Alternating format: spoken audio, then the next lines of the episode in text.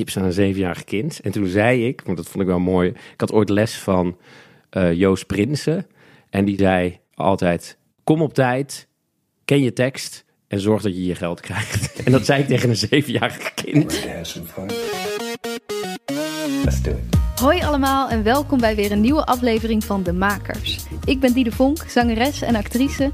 En sinds ik ook zelfstandig muziek en theater ben gaan maken, merkte ik net als veel van mijn collega-makers dat ik tegen een aantal dingen aanliep.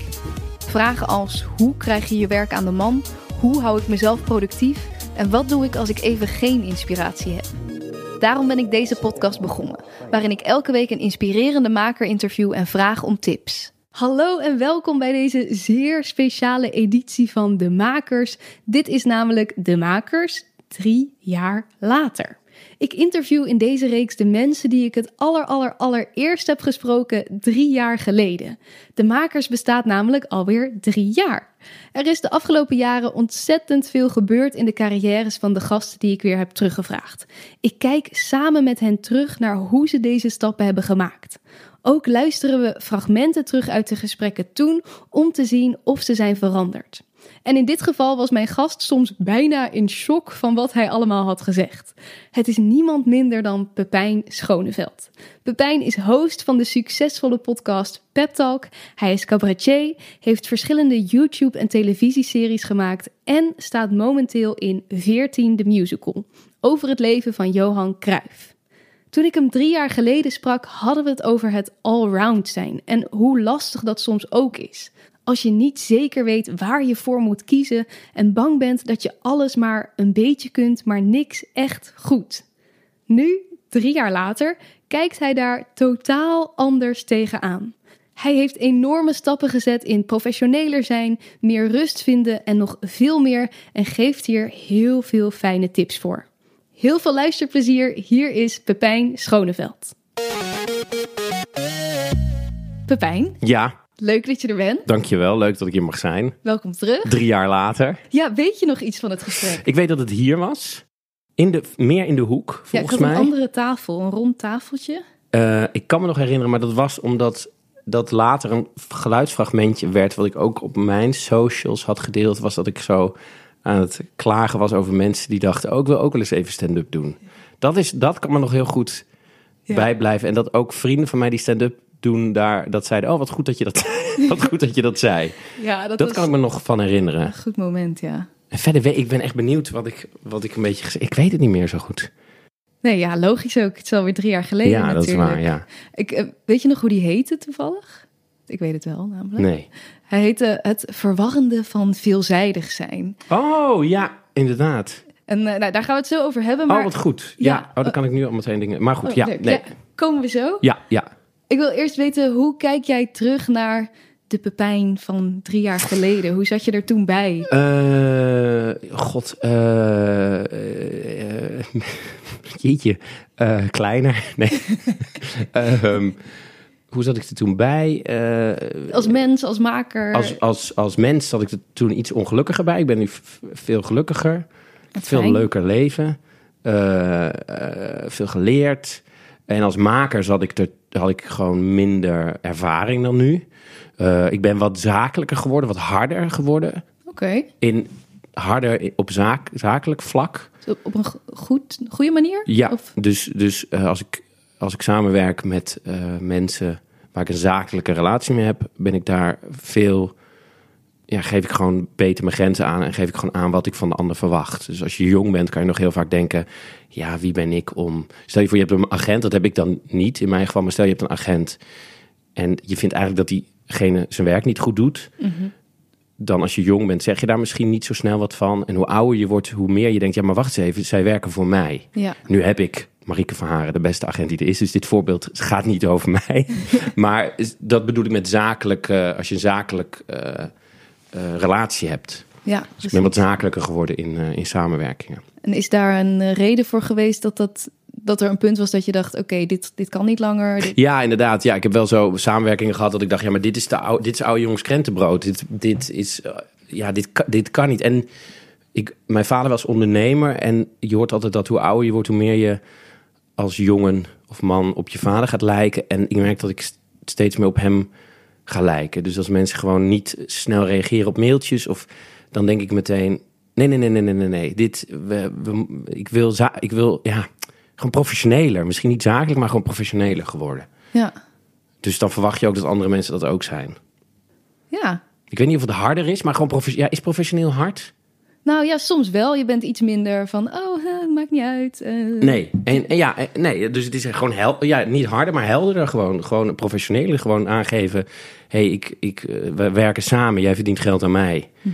Dus ik vind het prettig als je, als je dan op tijd reageert. Of ja, Ja. wat. Maar ik denk dat ik dat anders, anders insta. Want voelt dat dan ook nog steeds van, oh, nu ben ik harder? Of eh, is het prettig? Want het is wel dus een switch die je hebt Ja, maar het is moeilijk. Ik denk dat het voor mensen van onze leeftijd moeilijker is. Wij, wij zijn natuurlijk toch, denk ik, wat conflictvermijdender door, door de telefoon. Ja. Om maar weer eens een cliché te noemen. Maar ik denk wel dat, dat, dat wij minder goed gewend zijn om recht in iemands gezicht te zeggen: Ik vind het prettig als je dat niet doet. ja.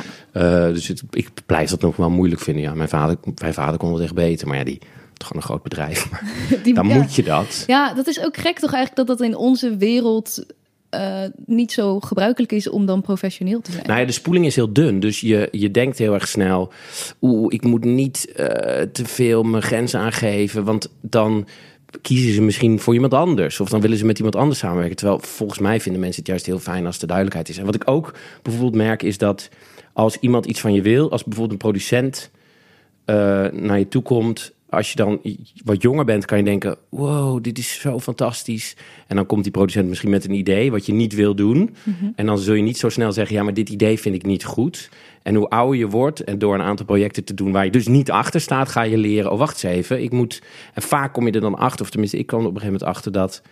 Ehm, als je dan nee zegt, als je tegen de producent zegt: nee, dit vind ik geen goed idee, vindt die producent dat heel fijn, want die heeft ook geen idee. Ja, ja, ja. Dus je denkt altijd, of tenminste, ik dacht vroeger altijd dat andere mensen veel meer wisten dan ik. Terwijl dat, die, iedereen bluft. Dus moet je ook gewoon nee durven zeggen. We doen allemaal mensen bluffen veel meer dan, dan je denkt als je jong bent, volgens mij. Ja, zeker als dat inderdaad mensen zijn met een bepaalde status of een bepaalde eh, Ja. andere job Ja. dan jij, dan Ja. denk je dat je dat maar moet aannemen. Exact, ja.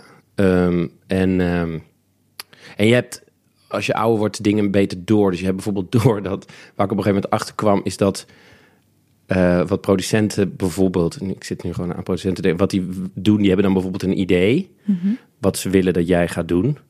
Dan heb je een gesprek met ze. En wat zij dan vaak doen, is dan zeggen ze: Wat wil jij maken? En dan kom jij met je verhaal wat je wil maken. Terwijl zij hebben al een idee wat zij met jou willen maken. En dan gaan zij zeggen. Daarna zeggen ze: Oh, ehm, nou goed dat je dat zegt, want ons idee sluit daar heel erg bij aan. en dan komen ze met hun eigen idee. Dus wat je moet doen, wat ik geleerd heb, is gewoon daar gaan zitten en zeggen: Wat willen jullie Ja, ja, met mij maken? En dan doen zij hun verhaal en dan kan jij nee of ja zeggen. ja. Dat soort trucjes krijg je pas de, al, al gaande, gaandeweg krijg je dat soort trucjes door. En als je het over producent hebt, even voor de luisteraar, dat is dan een theaterproducent of iemand. Ja, die- of een televisie of, of Ja. eh, gewoon mensen die iets van je willen.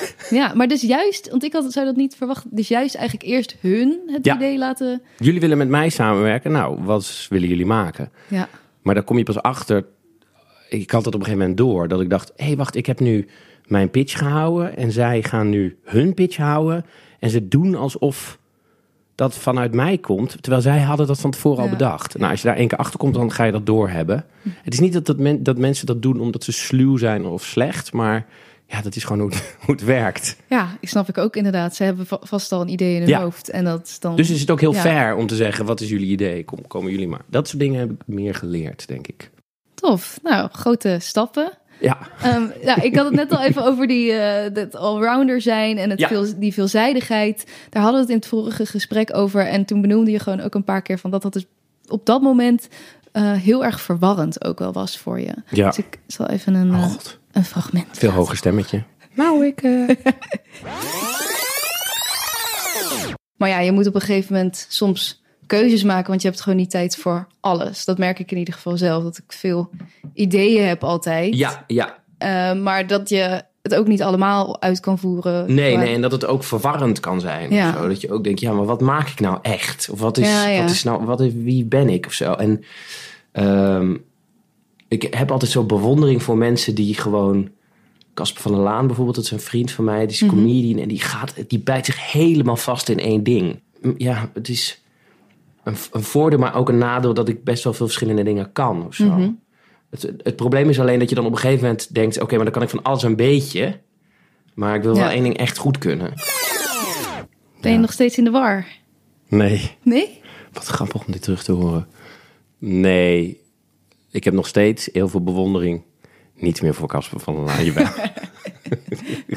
Oh, sukkel. Nee, ik heb nog steeds heel veel bewondering voor mensen die eh, één ding doen en daar helemaal voor gaan. Alleen ik heb meer, iets meer geaccepteerd dat, dat zeg maar heel veel verschillende dingen... Ik, zeg ook in dat fragment, ik kan heel veel dingen. Dat is ijdel, maar goed. Ehm, Mag je niet zeggen dat je veel dingen kan? nou, maar ik kan veel dingen, maar ik kan, ik, ik kan wel veel verschillende dingen, maar ik ben niet. Als je zegt dat je heel veel dingen kan, dan lijkt het net alsof je in heel veel dingen goed bent. Terwijl ik, ik kan, ik bedoel, ik zit nu in een musical en ik kan niet heel goed zingen, maar ik kan wel zingen. Snap je? Dus er zitten mensen in die, in die voorstelling die echt tien keer beter kunnen zingen dan ik. Dus ik kan wel zingen, maar ik kan het niet op dat niveau van mensen die echt een, zo er zitten gewoon musical Ja. mensen in die Maar voorstelling. zij kunnen misschien niet die rol spelen zoals jij hem speelt. Zeker niet. Nee. Nou ja, nou, nee, zij kunnen misschien geen podcast maken Ja. ook. Of, of eh, hebben een andere werkethiek of een werkhouding. En, en ik heb nu wel geleerd dat, eh, ja, dat is misschien wel de afgelopen drie jaar, dat als je een allrounder bent zoals ik, dus niet één ding echt heel goed kan, maar heel veel dingen een beetje, dat je het, het ik vind dat niet meer verwarrend. Ik vind dat juist heel leuk, omdat eigenlijk is het precies steeds hetzelfde. Alleen wat ik, wat ik het, de inhoud blijft hetzelfde, alleen de vorm verandert steeds bij mij. Ben ik achtergekomen. Dus ik wil steeds iets zeggen over deze tijd waarin we leven en over wat mij bezighoudt. En ik kies daar gewoon steeds een andere vorm voor. Dus eerst deed ik cabaret. Dus koos ik de vorm cabaret om te zeggen wat ik van de wereld vind. Toen koos ik eh, eh, podcast. Dat vond ik eigenlijk een prettigere vorm, omdat ik vragen kon stellen. ja. Nou, nu zit ik in een musical, wat ook heel erg toevallig dan, want dat had net anders kunnen zijn, maar die voorstelling gaat ook heel erg over deze tijd en waar we in leven. En ook al gaat het over Johan Cruijff, maar toen dacht ik op een gegeven moment, oh, ik, ik kies gewoon steeds een andere vorm, maar de inhoud, namelijk mijn engagement, dat blijft gewoon steeds hetzelfde. Dus vind ik het minder verwarrend. Maar is het niet ook in een, in een podcast ben je ook, je, ja, je stelt de vragen, maar je zet ook juist het verhaal van iemand anders eh, eh, in eh, de spotlight. Ja, maar ik ben veel egocentrischer. Ik, ik, ik praat alleen maar met mensen die, die mij iets kunnen leren. Het gaat altijd vanuit, Ah, het dus komt het, altijd ja. vanuit mij. Dus het, het engagement zit hem in, je wilt iets van die ander leren. Ja, ja, ja. ja. dus niet per se, ik wil... Want met cabaret is het natuurlijk heel erg jouw eigen blik, Ja, ja, ja, ja. eh, ja. Die, die je Nee, vertelt. daarom vind ik podcast maken ook leuker, omdat je dan heel erg eh, je leert van die ander. Terwijl als je, als je cabaret maakt, kan je ook wel vragen stellen, maar dan moet je er toch meer over na hebben gedacht. Ja, dan krijg je niet altijd het antwoord van het publiek wat je wil. Nee, Eh, of dan zoek je het wel uit met het publiek. Maar podcast maken vind ik mijn manier, nu dan niet, maar mijn manier is wel vaak om vragen te stellen aan mensen. Dat is mijn manier van communiceren. Dus, eh, en daarmee zeg ik, heel- dus toen bijvoorbeeld de Black Lives Matter eh, beweging eh, heel erg aanwezig was, heb ik een gesprek gehad met een. In mijn, dacht ik, ah, ik wil, je, ik wil je iets mee. Ik ben een witte heteroseksuele man. Wat kan ik, wat kan ik doen? Ja. Dus heb ik een aflevering gemaakt met een homo, een, iemand van kleur en eh, een vrouw. Ja. Eh, en hebben we het daarover gehad. En, en, en dan kan ik vragen stellen van wat, wat, wat kan ik wel niet doen? Wat vinden jullie prettiger? Dus, dus dan is het engagement er nog steeds. Ik had ook op een podium kunnen gaan staan en kunnen zeggen... dit en dit is mijn idee hierover. Terwijl Ja. ik vond het veel prettiger om dan gewoon vragen te stellen.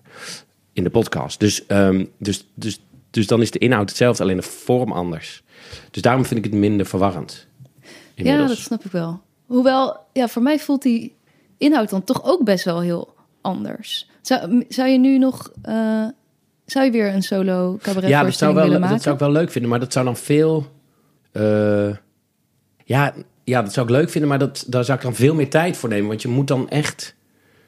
Dan moet ik echt een, zou ik een goede vorm moeten verzinnen voor het stellen van die vragen. Of het. Ik heb vaak gewoon niet zo'n mening over dingen. ik heb gewoon heel vaak eerder dat ik denk, ik weet het niet, zou de, de ander het weten? Ik heb niet zo vaak een mening over dingen. En dat moet je toch wel een beetje doen als je in je eentje op een toneel gaat staan. Dat is best, ja, dat is vrij cruciaal. Want je, je gaat daar staan inderdaad, nou, natuurlijk niet per se van, oh, eh, iedereen volgt mijn mening, maar wel omdat je iets Ja, wilt vertellen. ja. En ik wil wel iets vertellen, daarom maak ik ook een podcast. Maar ik wil iets... Nou, ik wil eigenlijk wel... Ja, het is niet helemaal waar dat het egocentrisch is, want ik wil wel iets vertellen aan de hand van de ander. Ja. Dus met die drie mensen waar ik mee gepraat heb in die aflevering... Dat was niet alleen maar zo, dat zijn mijn vraag, maar dat was ook, hey luisteraar. ja. hey, hallo witte heteroseksuele man. Dit is het verhaal van andere mensen. Luister daar eens naar. Ja, ja het is, maar het is wel, dus eigenlijk lijkt het voor mij een stuk minder egocentrisch. Ehm, Dan op het podium gaan staan. Ja. Ja, dat is wel waar. Ja, ja. ja. ja. Ja, misschien nee, omdat ik er zelf misschien ook een beetje zo mee heb zitten. Ik ben ook best wel gestopt met, met zelf op een podium staan. Ja, omdat ik het heel fijn vind om die vragen te stellen. Maar ja, dus daarom vraag, vroeg ik me. Ik krijg heel vaak die vraag van ja, maar dat ga je toch wel weer doen? Of dat. eh, dat maar dus bij jou is het wel. Ja, is het dus eigenlijk ook even de vraag van gaat dat weer terugkomen? Ja. ja, op een gegeven moment krijg je er toch weer zin in. Ja, Ik krijg af en toe dat ik denk, oh, dit vind ik een leuke... Dit, dit zou ik graag uit willen werken. Eh, maar dan merk ik al, oh, dan moet ik eerst even met die, pra- met die praten erover. oh ja, dat je Ja. dan ook toch eigenlijk informatie uit Ja. een ander wilt. eh, En waarom, want waarom doe jij het? Waarom heb je geen zin erin? Nou, ik voel, vond het dus altijd heel, eh, ja, toch te egocentrisch voelen. Oh ja. Ik vond het heel vervelend op een gegeven moment, om dan, en ook heel ni niks zeggend, mijn, sores of zo. Terwijl dat natuurlijk net zo goed universeel kan zijn. Mhm. Misschien ook juist omdat er zoveel gebeurt in de wereld. En dan denk ik, ja, dan ga, dan ga ik... eh, Ga ik, ga ik hier iets over zeggen? Ja, dat, eh, dus ik, en ik hou ook heel erg van het, uit, ja, ik ben, ik wil het gewoon graag weten van andere mensen. Ja. Ja. Ehm, dus ja, dus dat zit erachter. Maar ik, ik zal hier even een fragmentje over. Oh, Heb je daar eens wel, eens getwijfeld van, had ik niet toch iets anders moeten gaan doen? Ja, dat had ik laatst weer. Ja? Ja, toen belde ik Raoul op en toen zei ik, ik, stop, ik ga ermee stoppen. Echt? Ja. Dacht ik, ik eh, dit is, heeft geen zin. Dit is, ja, dat heb je heel vaak. Ja. Dat is ook wel iets wat ik mee kan geven. Dat gaat denk ik niet. Ik hoorde laatst dat Peter Blok bijvoorbeeld Mhm. af en toe ook cursussen doet voor andere dingen. Omdat hij Oh, ook heel vaak denkt, ja, nu is het klaar. Ja, Wauw. ja. Oh, dat is, ik weet niet of het een geruststelling is. Ik, ik had gehoopt misschien ergens dat het op een gegeven op een gegeven moment weg is. Je kijkt heel verbaasd. ja, dit heb ik nooit meer. Nee? Nee. Oh, dus het is toch weg? Wat grappig. Nou, ik denk wel eens, heb ik volgend jaar werk, maar ik kan me niet voorstellen dat ik iets anders zou gaan doen. Maar dat is omdat ik, omdat ik hem maak. Dus ik denk, ik stop in juli met, met, die, met, eh, met de musical waar, waar ik nu in zit. En die musical gaat wel door. Maar Oh. ik, eh, ik, ik eh, stop er dan mee. Dus iemand anders gaat mijn rol overnemen. En dan weet ik niet wat ik ga... Maar daar heb ik heel veel zin in. Omdat ik denk, dan kan ik nieuwe dingen bedenken. Ja. Dus ik heb veel meer, denk ik, omarmd. Jeetje, wat grappig. Eh, nou, volgens mij gaat dit fragment over. Je, je kan natuurlijk wel twijfelen over: ben ik goed genoeg? Ik denk dat dat nooit weggaat. Van kan ik dit wel? Ben ik hier goed genoeg in? Eh, ga ik genoeg mensen bereiken? Ja. Eh, ga ik genoeg geld verdienen ermee? Ga ik mijn pensioen op kunnen bouwen? Die vragen veranderen niet. Maar of ik dit blijf doen, die vraag stel ik mezelf niet meer. Want, want ja, dan bedenk ik gewoon weer iets nieuws. Of dan ga ik weer een andere, ander soort podcast maken. Of dan ga ik met producenten praten. Ik denk nooit...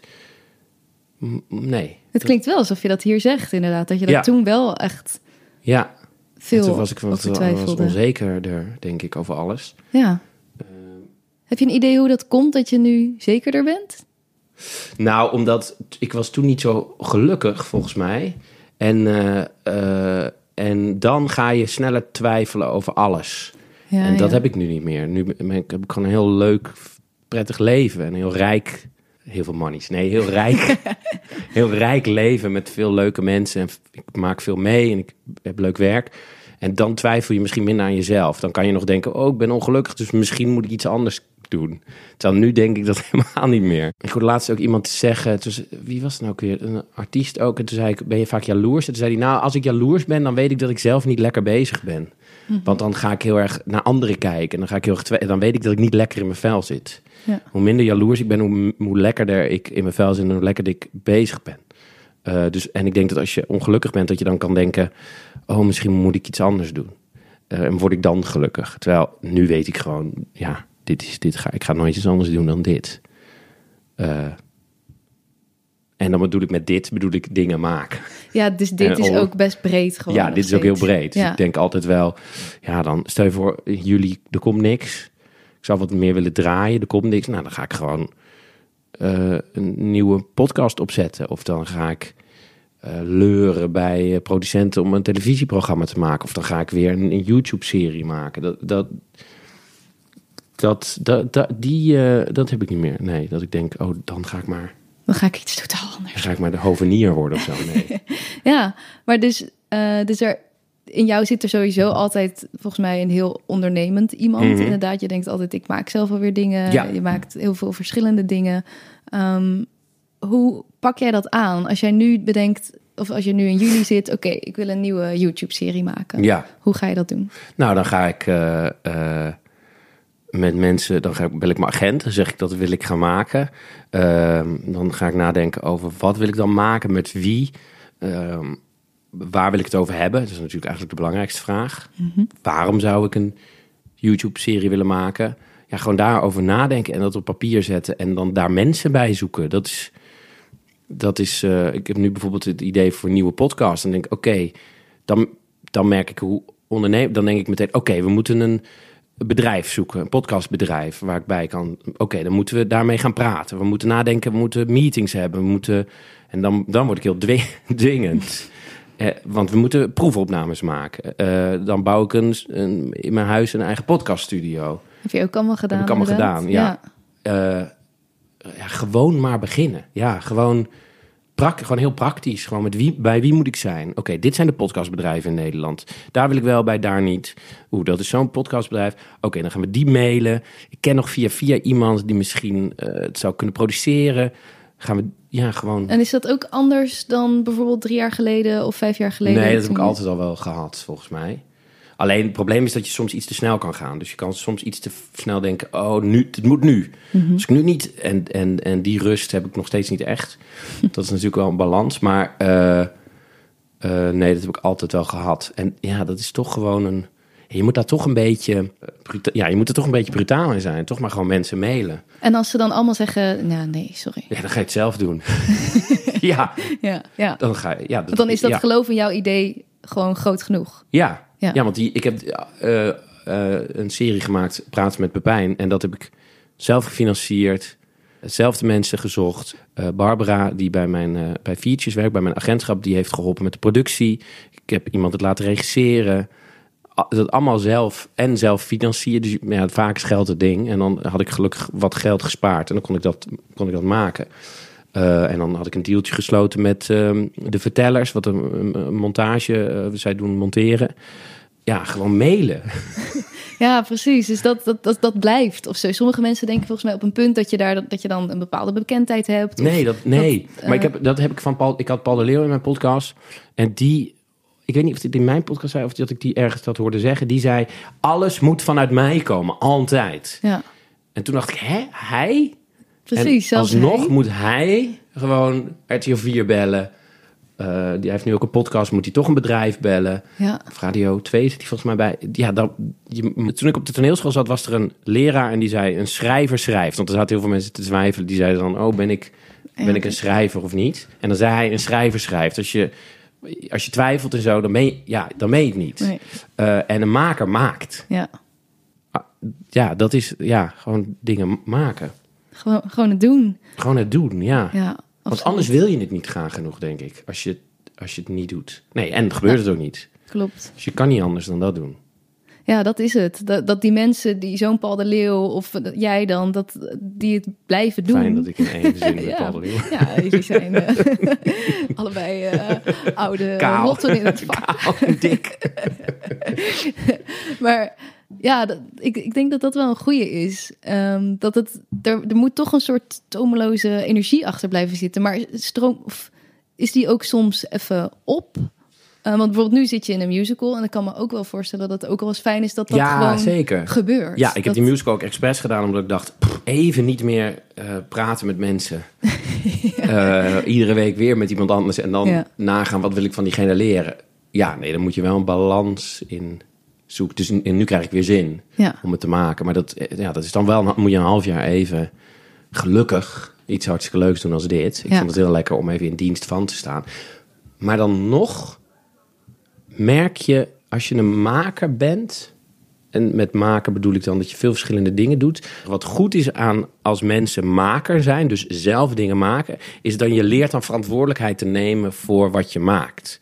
En mensen die één ding doen... eh, of bijvoorbeeld altijd in dienst van werken...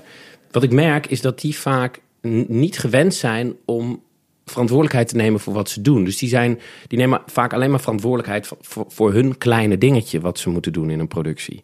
Terwijl als je een maker bent, of in ieder geval verantwoordelijkheid hebt moeten nemen af en toe voor dat wat je doet, leer je heel erg. Ja, maar jongens, het maakt niet uit dat de lunch slecht is. Bijvoorbeeld. Als je dat slecht vindt, dan ga je naar de producent toe en dan zeg je: We willen betere lunch. Maar stop met zeiken en, en we zijn bezig een voorstelling te maken. En dus, dus daarom vind ik het altijd goed als mensen veel verschillende dingen doen en ook zelf dingen ondernemen. Omdat je dan verantwoordelijkheid leert nemen voor wat je, wat je maakt met z'n allen. Ja. Dus ik vind de houding van makers. eh, en dat heeft niet zozeer te maken met of je andere dingen doet of niet. Want cabaretiers maken hun voorstelling. Dus die moeten verantwoordelijkheid nemen voor wat ze doen. Maar ik merk dat die werkhouding, dat ik dat heel prettig vind. ja, en dat hij dus ook verschilt in zo'n grote voorstelling tussen verschillende mensen. Ja, ja. Ja, en anders, wordt het ambt, anders word je een ambtenaar die Ja. gewoon in dienst staat van altijd. En bezig is met hoeveel teksten heb ik. eh, zijn nou ja, ja, er zijn ook goed? mensen die dat prettig vinden. Dat ja, kan natuurlijk ook, denk ik. Ja, alleen vind ik het niet goed als mensen. eh, niet, ja, het kan, kan me voorstellen. Alleen moet je dan wel. we- Moet je, dan- ik sprak een keer iemand en die was acteur en die had toen een voorstelling geregisseerd. En die zei: Oh, ik heb echt veel. Ik ga in de toekomst veel minder kritiek op regisseurs hebben. Want ik weet nu wat het is om verantwoordelijkheid te dragen voor een voorstelling. Nou, zo'n ontwikkeling vind Ja. ik heel goed. Ja. Dat je weet, het gaat even nu niet om mij. Het gaat nu even om de voorstelling of om de keuze van de regisseur.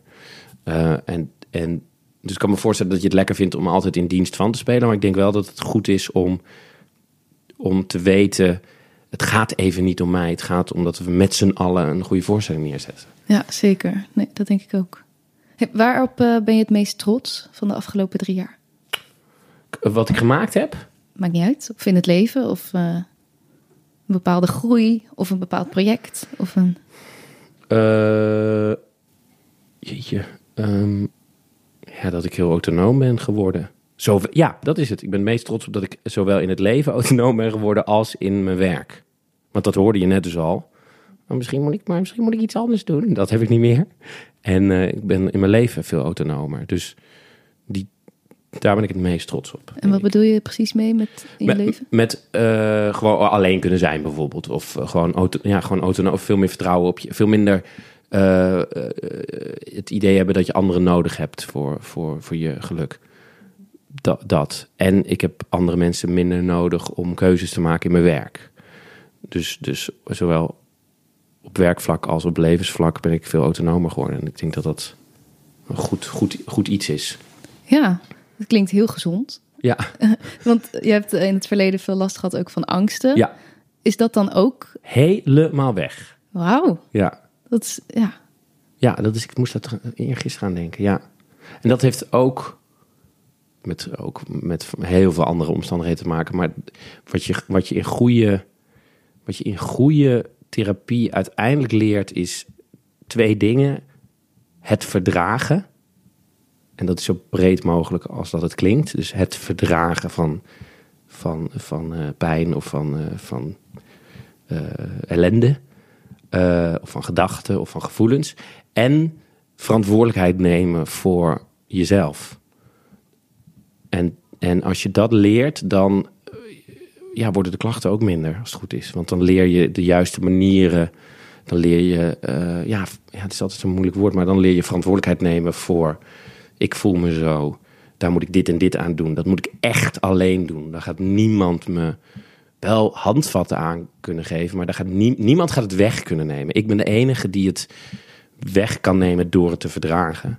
Eh, of het hoeft niet weggenomen te worden en ik leer ermee omgaan. Eh, dat is, dat is wat, je, wat je leert. En dan in mijn geval ook echt andere omstandigheden hoor. Maar dat is wel een kern eh, van omgaan met dat soort dingen. Ja, dus niet een het overkomt mij deze gevoelens, maar het proberen daar zelf een. Nou, het overkomt je wel. Het overkomt je, je kan er ook niet zoveel aan doen. Maar hoe je ermee omgaat, daar, dat, is, dat, is, dat heb je zelf in de hand. Dus je kan er niks aan doen dat je angst hebt... of dat je depre- depressiegevoelig bent... of dat medicijnen niet aanslaan... of, of dat, je, dat er dingen in je leven gebeuren waar je geen controle over hebt. Daar kan je niks aan doen. Maar hoe je daarmee omgaat en hoe je eh, eh, hulp zoekt... of hoe je jezelf traint... of hoe je ja, verantwoordelijkheid neemt... Of nee, hoe, ja, hoe je ermee omgaat, dat heb je zelf in hand en dat is verantwoordelijkheid nemen. En dat is, is ook met werk zo. Wat ik zei net over die, over die voorstelling is, je kan wel boos worden op de regisseur omdat, hij, omdat je minder tekst krijgt. Uh, maar je verantwoordelijkheid is om, om de tekst die je hebt zo goed mogelijk te doen en zo goed mogelijk in dienst van de voorstelling te staan. Dat gaat ook over verantwoordelijkheid. Ik vind dat wel, dat is misschien wat ik de laatste drie jaar het meest heb geleerd. Is verantwoordelijkheid nemen voor je leven en je werk. Jezus. nou, het is Ja. nogal wat, toch? ja. Nee, ik denk dat veel mensen die luisteren denken... wauw, dat zou ik ook wel willen. Maar Ja, het, het klinkt nu misschien ook allemaal... Maar dat kon ik echt niet. hè? makkelijker dat dan kon het ik vier is. jaar geleden echt totaal. Ik weet nog dat ik ooit een gesprek had met een soort coach en die zei: je hebt hier en hier en hier last van en je doet dit en dit en dit. Wat doe je niet? En ik zo weet het niet. Wat doe je niet? Ik zo. eh, En toen zei hij: je neemt geen verantwoordelijkheid. Zei ik, ik snap dat woord nooit. Ik weet nog dat ik met Dani Herman van Vos in mijn podcast ook het over had, omdat ik snapte het woord verantwoordelijk, maar nu snap ik dat. Ja, dan moet je ook maar achterkomen. Het moet op een gegeven moment klikken of zo. Ja, of, Ja. ja. of op een gegeven moment merk je dat, denk je, oh wacht, maar als ik dit doe, en dat doe ik zelf, dan gaat het beter met me. En dan merk je, oh, ik heb het zelf in de hand. Dat is verantwoordelijkheid nemen, denk ik. Zijn er nog wel eh, dingen misgegaan de afgelopen drie jaar? Het klinkt alsof het allemaal... Only way is up. Eh, nou, ik zou een lied zingen in de voorstelling, die is mij afgenomen. Toen leerde ik ook weer heel veel over verantwoordelijkheid nemen. Daar was ik heel kwaad over. En uiteindelijk dacht ik, oh, wacht eens even. Ja, nou ja, dit kan gebeuren, dan moet je mee om. Ehm, of die is aan iemand anders gegeven in de voorstelling, Ja. die veel beter kan zingen. Het is wel gewoon kut. Ja, dat was vrij. eh, ja, daar was ik schrok ik heel erg van. Ja. ja, ja, ja, ja. Maar toen leerde ik wel weer. Oh, wacht even. Die gast kan veel beter zingen, natuurlijk. En eh, binnen mijn rol is het heel raar als ik dat nummer zing. Eh, en, en ja, de manier waarop is misschien een beetje kut. En eh, twee weken voor de première is ook wel heftig. Maar, eh, nou ja, zo is het. Voor En het geheel is het beter. voor het geheel is het beter, ja. Ja. En dan, en nu wordt er de hele tijd grappen over gemaakt door collega's, wat heel leuk is. Maar eh, zijn er nog dingen misgegaan? Praten, dat, die YouTube-serie Praten met Pijn werd iets minder goed bekeken dan ik zou willen. Ik vond hem wel heel leuk weer. Ja, maar ook weinig collega's die, die, die, het, die erover begonnen. Dus toen dacht ik, oh, volgens mij vinden ze het niet goed. Dus dan zit er ook wel een onzekerheid. Ja, zeker wel, ja. Maar da- ik had bij dat programma had ik niet goed... Ik sprak een tijdje geleden een CEO van een heel groot bedrijf. En die zei tegen mij, als je... Die zei, heb je je de doelen gehaald die je wilde? En ik zo, doelen?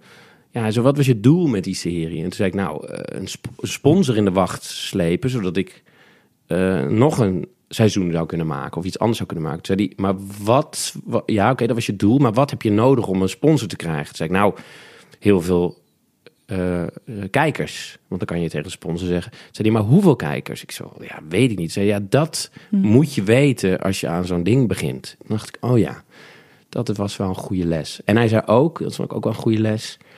als mensen voor je werken, moet je ervoor zorgen... dat het voor hun net zo belangrijk is dat het een succes wordt als voor jou. Ja. Want ik zei tegen hem, ik zo ja, ik heb eh, eh, eh, een vriend van me die heeft de regie gedaan, die heb ik niet betaald. Want die wilde dat gewoon heel graag doen. De productie heb ik niet betaald. En toen zei hij, maar wat leverde hun het op als het een succes zou worden? Ik zo niks. Toen zei hij, ja, dat is, dan gaan mensen minder hard voor je werken. Ja. Dat is wel een goede les. Maar hoe zorg je dat het hen ook iets... CEO, CEO. Maar hoe zorg je dan dat het voor hen net zo belangrijk is? Door bijvoorbeeld te zeggen, de inkomsten verdelen we. Ja. Uh, of uh, door te zeggen, jullie krijgen extra geld uh, als het een succes wordt. Of als we een tweede seizoen gaan doen, mogen, en, mogen jullie weer meedoen. Ja. Als we geld hebben. Dat soort trucs moet je dan... Ja, ik weet niet, ik ga hem weer bellen dan als ik weer iets ga maken. Maar ja, daar heb je natuurlijk allemaal trucs voor... om te zorgen dat, het, uh, dat mensen hun best voor je doen. Ja, want dat is wel een interessant. Want ik denk dat heel veel makers dat hebben. oh, Zeg maar, als je iets groters wil maken, heb je daar anderen bij nodig. En dan Ja. voelt het vaak nog steeds een beetje als jouw ding, waar zij dan, omdat ze je, van je houden Ja, of eh, het wel ja. leuk vinden, aan meedoen. Ja. Maar heel- wil ze dus gewoon. ja, of je legt op papier, je zegt op papier, eh, leg je vast, mocht het een succes worden, dan gaan we het seizoen daarna weer met je werken. Ja. Eh, eh, al is het maar iets waardoor mensen hun best voor je gaan doen. En als je had geweten van, nou, ik wil, eh, ik moet minstens 10.000 eh, kijkers hebben per aflevering. eh, of ik weet niet hoeveel je Mhm. er had. eh, Ja, moeten er minstens 100.000 zijn. Ja. Wat had je dan anders gedaan? Nou, dan kan je een soort plan maken. Dan kan je een marketingplan maken. Of dan kan je zeggen, we gaan het daar pitchen. We gaan, dan had ik Daan Boom gebeld. Vriend van mij die heel, heel internet succesvol... of sowieso succesvol in het leven is.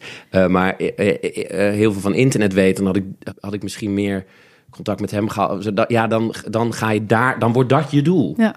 En hij zei ook, hij zei, want hij zei, wat was je doel? Toen zei ik, een goede serie maken. Toen zei hij, ja, oké, maar dat, daar ga ik van uit. Dat Dit gaat over een zakelijk doel. Ja, ja, ja, ja. Terwijl je als creatief vaak alleen dat, Exact. eh, dat, doel, dat Ja. creatieve doel in je hoofd hebt. Ja, ja, terwijl je moet gewoon za ja, je moet gewoon en, en in ons vak is het echt moeilijk om zakelijk te zijn, maar dat moet je toch doen. ja. Anders dan word je gepiepeld. People, dat willen we niet. Ehm, ik eh, altijd op het einde van mijn podcast vraag ik altijd eh, om een advies. Ja. En ik, we gaan even luisteren naar het advies wat Oh, jij God. vorige keer gaf. Ja, rust. Rust. Nou ja, Oh, mooi. rust, doe rustig aan. Ja, Het hoeft niet snel en het hoeft niet eh, meteen en het hoeft niet nu. En je moet, je, je moet eigenlijk eh, jezelf fit houden, zodat als de trein langskomt, dat je er dan op kan springen. Dus als er een kans zich aandient, ja. maar, maar ehm, dus neem rust en tijd en, en het is wel een balans tussen wel plannen en niet plannen. Dus fit blijven en als er een trein voorbij komt, erop springen en meegaan. Ja, Want je kan niet van tevoren weten welke kant je op gaat. Maar aan de andere kant is het ook goed om, oké, eh, ik neem vier jaar de tijd om eerst mijn stem te vinden voor ik aan een wedstrijd meedoe, bijvoorbeeld. Of ik eh, zorg dat ik eerst eh, een beetje weet wie ik ben voordat ik naar de toneelschool ga. Wat een wijze woorden van deze jonge man. oh, want ik vind het zo heftig om terug te horen, want het is... Maar ja, dat is altijd zo. Dat als Ja, want je Nou, hoort je eigen stem natuurlijk heel nee, vaak. ja, die hoor ik heel vaak terug als ik monteer voor een pod. Maar ik vind zo... Als stellig dingen zeggen... Ja, ik heb het net weer gedaan. Ik vind dat zo heftig. Waarschijnlijk over drie jaar denk je... Ja, wat we- ik denk gewoon, wat weet jij er nou van? En dat denk ik waarschijnlijk over drie jaar hier ook over. ja. Dus ik vind het zo heftig als mensen zo stellig dingen zeggen. Maar ik ben het wel heel geëden. Nee, ja, rust. Ja, want je had toen heel erg, benoemde je ook in het gesprek van... Ik wil altijd te snel. Ja. En ik, ben, ik heb te snel aan zo'n wedstrijd meegedaan. Ja, ja, Eh. Heel veel dingen te snel. Ehm, is dat inderdaad... nee, dat heb ik nog steeds. Ja, ja, Ja? ja. ik word, laatst werd ik weer teruggeroepen door een vriendin van mij... waar ik mee samen ging werken voor een podcast... Eh, en die, die zei echt, rustig aan. We moeten eerst de vorm vinden voordat we eh, gaan praten met podcastbedrijven bijvoorbeeld. Doe nou Ja. even rust. En toen dacht ik, oh kak, nu doe ik het weer. Dus dat blijft, dat zal altijd een ding blijven. Moet ik nu een andere tip? Ja, hè? Ja, graag. Nou, als mensen voor je werk... nee, Ja, we hebben al heel veel dingen... al tips. Eh, neem genoemd. verantwoordelijkheid voor je werk. Ehm, voor een jonge maker, hè? voor iemand die net begint. Ja, maakt niet uit eigenlijk. Ehm, Doe maar voor een jongen en dan voor een oudere. zorg dat je niet dichtgroeit. Dit was heel stellig weer. Ja. Zorg dat je... Ja, want dat... Bijvoorbeeld mijn moeder die gaat nu met pensioen. Of die is nu met pensioen. En het eerste wat ik tegen haar zei was... Zorg dat je niet dichtgroeit. Blijf mensen zien. Blijf boeken lezen. Blijf vrijwilligerswerk doen. Maar eigenlijk geldt het ook voor makers. Je moet zorgen dat je veel naar... Veel, jezus, een oude lul. Maar ik meen het wel. Ehm, veel meningen van verschillende mensen horen. Veel luisteren. eh, veel ja, naar het museum gaan, eh, films kijken, boeken lezen. Gewoon een rijk leven hebben en zorg dat je, je dat je niet in je eigen bubbel blijft. Ja, het zijn allemaal clichés, maar dat je niet in je eigen bubbel blijft en eh, alleen maar je eigen mening bevestigd ziet. Dat, dat, ik denk dat het voor maker echt belangrijk is. Dus ik heb superveel geleerd nu weer door in een musical te spelen. Ik heb nu superveel respect gekregen voor musical mensen. Hoe, wat, hoe zwaar dat is. ik heb heel veel respect voor, voor technici gekregen, omdat het technisch een hele moeilijke voorstelling was. Eh, en dat doe je door te doen. En dat doe je niet door thuis te zitten. Eh, eh, dus, dus als je een maker bent, moet je echt zorgen dat je in het leven staat. Ik vond het best wel lastig tijdens corona. Ja. Eh, Wat heb jij toen gedaan? heel veel podcasts gemaakt. ja. Dus nee, het is, het is me in die zin goed gelukt. Ik heb heel veel verschillende shows mogen maken. En daardoor elke keer Ja. ook in een verschillende subcultuur Ja. of eh, kunststroming kunnen, kunnen duiken. Maar toch het naar buiten gaan, naar mensen ontmoeten. Ja, ja, ja, ja, dat, ja. dat is...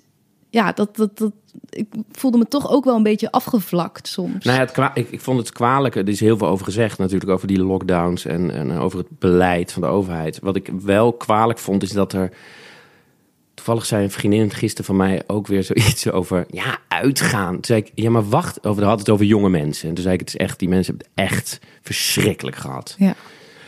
En toen zei zij, ja, maar ja, uitgaan. Zei ik, maar ho, ho, ho, jij zegt nu uitgaan? Alsof dat een soort verwendheid... Terwijl voor jonge mensen is gewoon uitgaan... is de plek waar ze hun identiteit kunnen ontwikkelen. Daar je moet je niet met zoveel dédain over praten. Maar, en ook naar het museum gaan, naar de film gaan... Mensen zien gewoon in de. Ik bedoel, het is allemaal eh, natuurlijk heel erg wat er in ziekenhuizen gebeurde en in verzorgingshuizen en zo. Maar, maar en het is ook belangrijk dat ja, mensen gewoon geestelijk dichtgroeien als je ze niet. ja. eh, eh, en, en die discussie heb ik wel gemist.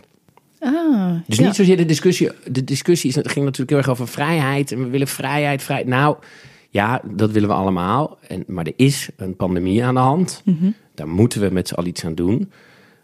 Maar ik heb toch wel gemist hoe er gekeken is naar geestelijke gezondheid. Ja, En dan heb ik het zowel over gewoon psychische gezondheid als over. Ik weet zeker dat zeg maar de, de woede die je nu op sociale media ziet en op straat ook. Iedereen is echt bozer op straat, merk ik. In Amsterdam tenminste. Ik weet zeker dat het komt doordat mensen gewoon weinig andere mensen zien en, en Ja. geen uitlaatkleppen hebben. En hoe ben je, heb jij gezorgd dat je niet dichtgroeide? Gewoon stiekem toch dingen doen. Nee. Eh, nou, door gewoon. Nou, ook wel gewoon. Ja, door ook toch wel gewoon vrienden te zien. Maar wel, wel op een verantwoordelijke manier. Maar, maar door toch steeds de balans op te maken. Ik had gelukkig mijn moeder, die was helemaal niet bang. En die zei ook de hele tijd: Ik knuffel liever mijn kleinkinderen en ga dood. dan dat ik Ah, eh, vereenzaam. ja. Eh, dus daar hoefde ik niet zo heel veel moeite voor te doen. Maar ik heb wel altijd geprobeerd om daar toch een balans in te, in te, in te zoeken. En ja, toch veel, veel mensen die niet op de bank te gaan, eh, gaan zitten. ja. Niet, ik bedoel, niet illegale feesten en zo, maar wel... Ja, toch, ik heb wel veel mensen gewoon gezien. Ja, want als dat gesproken. nodig is voor je mentale gezondheid, dan is dat ook Ja, eh, gewoon ja. heel belangrijk. Ja. Ja. en als je daarna niet naar een bejaardenhuis gaat en eh, Om ze daar allemaal te knuffelen. daar te knuffelen. ja, Eh, tot slot ja. vroeg ik je vorige keer hoe jij dacht dat de toekomst Oh. eruit zou zien. Wat, eh, wat zie jij voor de toekomst? Wat, wat zit er aan te komen? Gitzwarte, eh, we gaan naar de kloten door de klimaatverandering. Ja, dat is wel zo. Dat is wat er gaat gebeuren. Ja. Toekomst. Nee, ik probeer zo min mogelijk met de toekomst bezig te zijn. Ja. Zo min mogelijk met de toekomst. Nou, het stormt nu heel erg. Ja. Dat is klimaatverandering. Drie stormen. ja. Dat is uitgekomen. De warmste december of de warmste februari ooit. Eh, dus we gaan nog steeds helemaal naar de kloot. Sorry, wat was de vraag? Eh, De vraag, nou, ik, ik vond het interessant dat je zei: ik wil zo min mogelijk aan de toekomst denken, want dat is niet goed voor mij. Heb je dat eh, nog steeds? Ja, toen mo- moest ik het niet doen omdat het goed voor me was. Nu doe ik het gewoon niet omdat, ik, ja, omdat het onzinnig is. Het is eh, ja, dat heb, heb ik al vrij snel geleerd om dat niet te veel te doen. Maar gaat het dan over de toekomst van de wereld of ook over je eigen toekomst van? Ik weet in juli eigenlijk Nou, de niet wat ik toekomst ga van de doen. wereld, daar probeer ik wel over na te denken. Ja. Maar ja, dat kan ook zinloos voelen. Als je- Nou, maar ja. ik denk dat het wel goed is om, om na te denken over de dingen die je nu doet. Wat Ja. dat voor consequenties heeft voor, voor de toekomst. Ehm, eh, En wa- waarin vind je het dan zinloos? als je na gaat denken over... Oh, eh, heb ik volgend jaar wel werk? Ah, Eh, ehm, gaat, ga ik nog wel weer een nieuwe rol krijgen? Ehm, kan ik nog wel volgend jaar... Dat soort gedachten, daar, die, die heb ik ook minder. Maar, en daar besteed ik niet zoveel aandacht aan. Wat ook helpt. Dat bedoel ik met niet zoveel aan de toekomst denken. Dus jij, je, nou, je zei al, ik weet in jullie even niet wat het precies gaat worden. Dat is voor jou niet... Heerlijk. Ja. denk ik echt, oh lekker. Dan, dan ga ik gewoon... Nou, ik weet nu wel dat ik, ik ga mijn podcast gaat een doorstart maken. Dus daar ga ik nu, daar ga ik nu mee bezig. Dus ja, daar ben ik dan wel mee bezig. Maar wel eh, met, die, met die podcast. Maar ik ben niet bezig met waar wil ik over vijf jaar zijn of zo. Nee. En de mening onder mijn vrienden is daar nogal verdeeld over. Ja, d- dat merk ik sowieso ook onder makers. Ja. Van, de, sommige mensen gaan heel goed op zo'n stip Ja. op de horizon. ja, En sommige inderdaad helemaal niet. nee. Hoe ben jij daarin? Mm, ik denk dat ik er wel goed op ga om het wel te hebben. En wat zijn dan voor, wat, wat voor doelen dan? Ja, mm, misschien gewoon hele grote doelen. Van ik wil de Eva Jinek van eh, kunst en cultuur worden of zo. Ah, ja, ja, ja, ja, ja, maar ja. ook omdat je dan terug kan werken. Omdat je dan weet, oké, nou, Ja. dan moet ik over een jaar eh, daar en daar een programma hebben. Dan moet ik over twee jaar dit. Maar ja, ik snap ook voor mensen als dat... Je hebt misschien zo'n idee, maar ondertussen gaat het leven ook zoals Ja, want het zijn gaat. het dan dromen of doelen? Als het, het zijn doelen, als je terug gaat werken en gaat stappen gaat uitdenken hoe je daar kan komen. Als je er een plan voor gaat maken. Ja, denk ik. Ja, ik denk dat dat het verschil is. Ja. Ehm, want heb jij wel dromen? Nou, ik zou heel graag... Ja, ik heb wel dromen. Ik zou heel graag een eigen, eigen eh, televisieprogramma willen. Ik zou heel graag een televisieserie willen schrijven. eh, en een podcast met meerdere mensen willen maken. Een babbelpodcast. Lijkt me heel leuk om ernaast te hebben hoor. Niet om alleen maar dat te doen. Dat, ja, dus ik heb wel dromen. Maar, maar ik weet ook dat het allemaal zo lang duurt dat ik daar wel aan werk. Maar dan zeg ik niet tegen mezelf, dat moet over twee jaar. Misschien is dat het, ja. Dat je er geen eh, heftige timeline aan Ja, vast ja. hoeft te plakken. Terwijl ik heb ook vrienden die zeggen: ik, ik wil over een jaar eh, in dat theater staan. Of ik wil over twee jaar. Wil Ja, ik, precies, ik wil in eh, Carré De staan, oudejaars of- doen. ja. Of, ja, die kunnen. Ja. Dat is een andere manier van werken misschien. Ik weet niet. Nee, voor jou dus gewoon niet. Nee, maar ja, die vrienden zeggen allemaal: je moet meer doelen stellen. Maar voel je je dan toch... Je trekt het je dan toch aan? Voel ik me heel niet? ambitieloos. Ja. Maar, ja, of zij zijn megalomaan, dat kan ook. Ja, ik vind dat altijd een ingewikkelde discussie. maar Moet je de... Nou, je kan nou natuurlijk wel, net als wat die CEO doet, een zakelijk doel stellen. Je kan wel zeggen, ik wil over... Ik wil... Nou, misschien moet ik dat nu met mijn podcast wel doen. Daar ga ik dus, heb ik gesprekken over met een podcastbedrijfje. Waarvan ik ook denk, oh, misschien moeten we dan zeggen... Over twee jaar wil ik zoveel luisteraars hebben. Bijvoorbeeld. Dat is wel een prettig doel. Want een beetje, we moeten alles in dienst zetten om dat voor elkaar te krijgen. Het moeten wel haalbare doelen zijn. En het schijnt wel met doelen, hoe concreter, hoe beter. Zeker. Dus de En nieuwe Jinek is niet heel... ik noem maar wat, ik noem maar wat. Ja, ja. Maar ja, nee, dat is niet zijn concreet. lekker Maar ik, daarom, ik denk, ik, ik ga beter op concrete doelen. Ja, ja, ja. Maar het is fijn om een soort toekomstvisie te hebben. inderdaad, ja. Waar je inderdaad dan tot, misschien is dat dan inderdaad toch meer een droom van, oh ja, dat is een vet beeld. Dat heb ik in mijn hoofd. En daarom ga ik nu vandaag de stap zetten om ja, inderdaad. dat en dat te mailen. Of dat eh, dingetje te sturen. Of Ik heb een keer een, een zen-cursus, zen-cursus gedaan, of een eh, meditatiecursus. En toen moesten we aan het begin doelen opschrijven, in een envelop stoppen en wegleggen. En dan aan het einde van de workshop of cursus, wat een jaar duurde of zo, eh, kreeg je weer die doelen. Maar terwijl ik dit vertel, weet ik niet wat de opdracht daarvan was. nou, volgens mij was het idee daarachter van, het is goed om doelen te hebben. En dan gaan ze onbewust in je zitten en dan ga je daar... Het is echt een heel slecht verhaal. een mooie eindconclusie. Jezus, verhaal. Ik moet dat een keer opzoeken wat daar de... Nee, volgens mij was dat het zo van dan, dan... Je zet een doel voor jezelf en vervolgens laat je het weer los. En als het goed is, zit dat doel nog ergens of zo. Nee, dat is het ook niet. Maar dat, het klinkt wel alsof dat dus is wat jij een beetje doet. Misschien, ja. ja. Ik denk ook gewoon altijd, over een uur kan je dood zijn. Waarom zou je... Dat zei je vorige keer ook. Echt? Ja. Ja, maar dat is dus nog steeds wel... eh, Ja, maar tegelijkertijd moet je daar ook geen rekening mee houden. Nee, nee, want dan Ja, het kan leven je is toch zo grillig. Ik denk altijd, oké, dan stel je een doel. Dan zeg je, maar de kans dat het, dat je, ja, ik weet niet. Maar is het dan angst dat het niet gaat lukken? Nee, nou, ik denk gewoon, het leven loopt toch zo anders altijd dan je zou willen. Waarom zou je dan een doel stellen? Want, een, en dan bedoel ik een doel als, over twee jaar wil ik een eigen talkshow of zo op de Mhm. televisie. Stel je, ja, je zet dat, ja, je weet dat toch helemaal niet? Nee, ja, ik denk bij mij meer dan, dan wie weet is dan na die twee jaar dat helemaal niet gebeurd. Maar heb je wel zoveel stappen gezet. Ja, inderdaad. omdat ja. je ergens naartoe werkt. En die stap had je misschien niet gezet als je helemaal geen idee had. Ja, op inderdaad. Ja, ja, ja. ja, het is natuurlijk wel goed om het te doen. Je moet het doen, doelen stellen met wetenschap. Het kan, ik kan, het kan ook Ja. over een uur dood zijn, maar dat weerhoudt me niet van het stellen van een doel. Precies, de wereld vergaat niet als het niet lukt. Maar je, het is een manier om jezelf in beweging te zetten. Dat is ja, het, denk ja. ik. Ja, en, maar dat doe ik dus heel erg door te mailen. Ja, door gewoon eh, mensen te vragen precies. en tot actie over te gaan. Heb je nog een slotadvies die je de wereld in wil gooien? Ehm, Niet dichtgroeien? niet dichtgroeien. Oh ja, ik vertelde laatst mijn nichtje, die, mijn nichtje die zit nu op musical les. Leuk. Die is zeven. En toen eh, hadden we het over musicals. En toen eh, zei mijn zus, volgens mij, die zei: Heb je nog tips voor haar? En ik zei: Tips aan een zevenjarig kind. En toen zei ik, want dat vond ik wel mooi. Ik had ooit les van eh, Joost Prinsen. En die zei altijd: Kom op tijd, ken je tekst. En zorg dat je je geld krijgt. En dat zei ik tegen een zevenjarig kind. En zag ik haar zo kijken. Ik weet, ik weet niet, zij weet niet eens wat geld is, in feite, eigenlijk. Eh, en toen zei ken je je tekst al? En toen zei ze, jawel. En toen ging ze doen en toen kende ze de tekst totaal niet. Maar toen, ik dacht, ik moest eraan denken, dat is wel mooi om... eh, want hij, die man gaat natuurlijk ook ooit dood.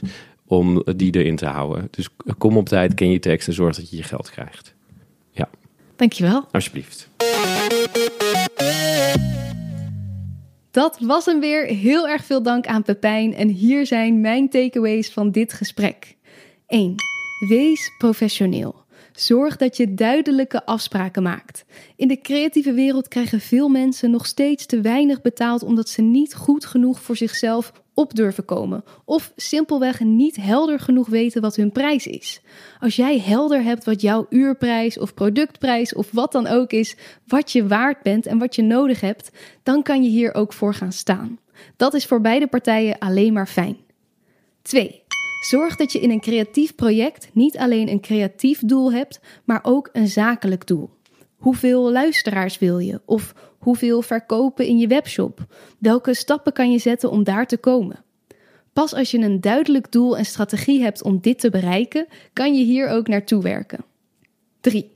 Wanneer je een eigen project initieert, zorg dan dat het net zo belangrijk is voor jou als voor de andere mensen die meewerken. Zorg dat er voor hen ook iets te winnen valt bij het succes van het project. Zo gaat iedereen harder lopen en zijn best doen om het tot een succes te maken. 4. Zorg dat je niet dichtgroeit. Blijf jezelf onderdompelen in nieuwe ervaringen. Ga eens naar een tentoonstelling waar je normaal nooit heen zou, naar een experimentele theatervoorstelling of naar totaal iets anders. Ontmoet nieuwe mensen, zie nieuwe dingen en hou jezelf open. 5. Zoek uit wat voor jou werkt. Wel een lange termijn doel, niet een lange termijn doel. Er is niet één beste manier. Voor mij werkt het om een stip op de horizon te hebben, zodat je concrete stappen kunt zetten er naartoe. Maar soms werkt het ook om deze juist even helemaal buiten beschouwing te laten en te kijken naar wat je op dit moment zou willen. 6. Kom op tijd, ken je tekst en zorg dat je je geld krijgt. Het geweldige motto van Joost Prinsen. Hier sluit ik me helemaal bij aan. Dank voor het luisteren. Als je dit een leuke aflevering vond, dan zou ik het ontzettend leuk vinden als je ons dat laat weten. Dus tag de Makerspodcast als je hem deelt op social media of deel deze aflevering met een vriend of vriendin. Ook kan je de podcast steunen met een klein bedrag op petje.af slash de Makerspodcast of met een tikkie via demakerspodcast.com slash downloads. Waar je dan ook nog eens een hoop leuks voor terugkrijgt. Waaronder een e-book met alle opdrachten uit mijn solo podcasts, een e-book met 400 maak- en inspiratietips, een lijst met hoe en waar je subsidies aan kan vragen en 40 inspiratievideo's van eerdere gasten. Tot de volgende keer en ik wens je in de tussentijd heel veel maakinspiratie toe. Vond je dit een leuk gesprek? Abonneer je dan op de podcast en volg de Makerspodcast op Instagram en Facebook. Delen of een recensie achterlaten is super fijn en laat het me vooral weten als er gasten of vragen zijn die je graag terug hoort in de podcast. Volgende keer staat er weer een bijzondere, inspirerende nieuwe aflevering voor je klaar. Deze podcast werd gemaakt door mij, Diede Vonk. De mixage is door Sonja Vos en de muziek is van David Schwartz. Tot volgende keer!